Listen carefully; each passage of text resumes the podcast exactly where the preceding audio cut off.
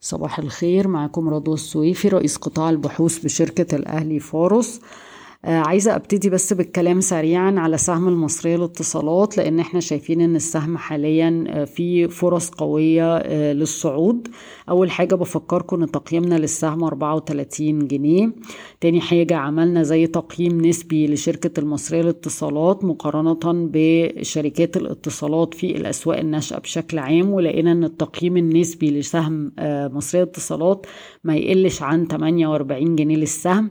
الشركة حققت نجاح في الأداء المالي بسبب زيادة الإنفاق على البنية التحتية في مصر بشكل عام حصل تحسن في التدفقات النقدية وزيادة في الهوامش وهيحصل انخفاض في النفقات الرأسمالية.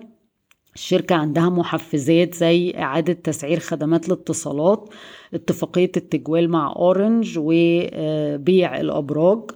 برضو سعر السهم لو إحنا دخلنا العروض اللي دخلت من أو اتعرضت من STC أو Vodacom هنلاقي ان إحنا حتى لو نزلناها تقريبا بالتغير في سعر الصرف من 15 ل 35 جنيه هنلاقي ان التقييم الضمني للمصرية للاتصالات مش هيقل عن 40 جنيه.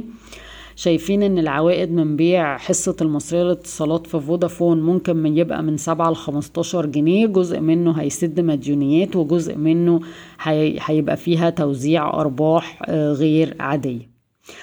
تاني نقطة عايزة أتكلم فيها هي أسعار السلع العالمية في الربع التاني من عشرين تلاتة وعشرين ويعني رصدنا تأثيرها على نتائج الأعمال بالنسبة للشركات في الربع القادم وعايزة أفكركم أن الأسعار دي لها تأثير إيجابي على نتائج أعمال شركات الحديد زي عز ستيل وعز الدخيلة شركات الأسمنت في مصر العربية للأسمنت ومصر سمنت قنا ومصر بني سويف النساجون الشرقيون نتيجة لانخفاض البولي بروبيلين وحصل ارتفاع في أسعار السكر وبالتالي لو ده سمع في الأسعار في مصر ده هيكون له تأثير إيجابي على الدلتا للسكر. في تأثير بقى سلبي على أموك ومنتجي الأسمدة بشكل عام أبو قير وموبكو وكيما مصر للكيماويات وأفك وشركات الأغذية والمشروبات جهينة ودومتي وعبور وإيديتا و GB Auto.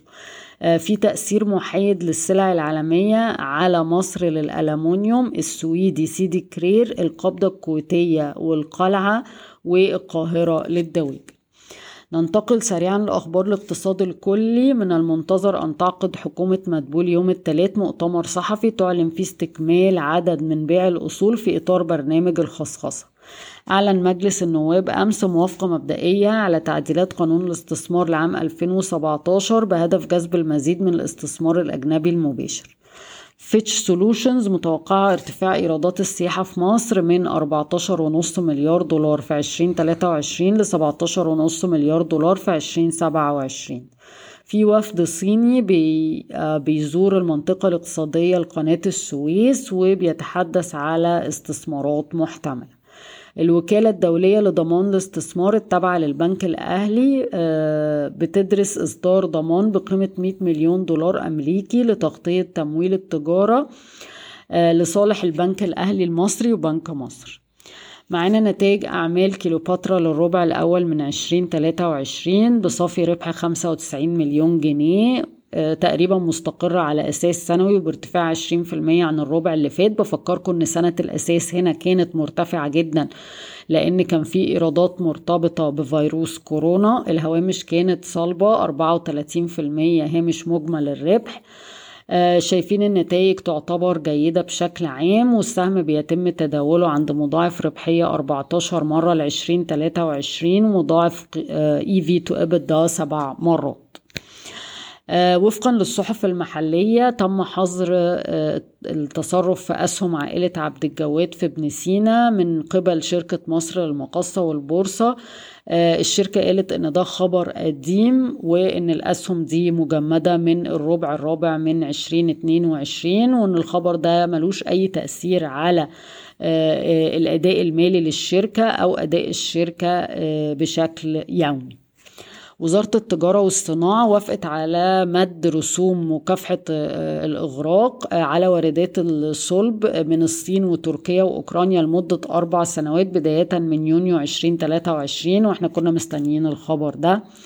ألغت البورصة المصرية تداولات الجلسة الماضية على أسهم طاقة والنهاردة هيتم تداول السهم بداية من 50 قرش وأعلنت الرئيس التنفيذي للشركة باكينام كفافي خطط لاستثمار واحد وسبعة من عشرة مليار جنيه في عشرين تلاتة وعشرين لزيادة المحطات وزيادة شحن المركبات الكهربائية بالإضافة إلى التوسع في السعودية.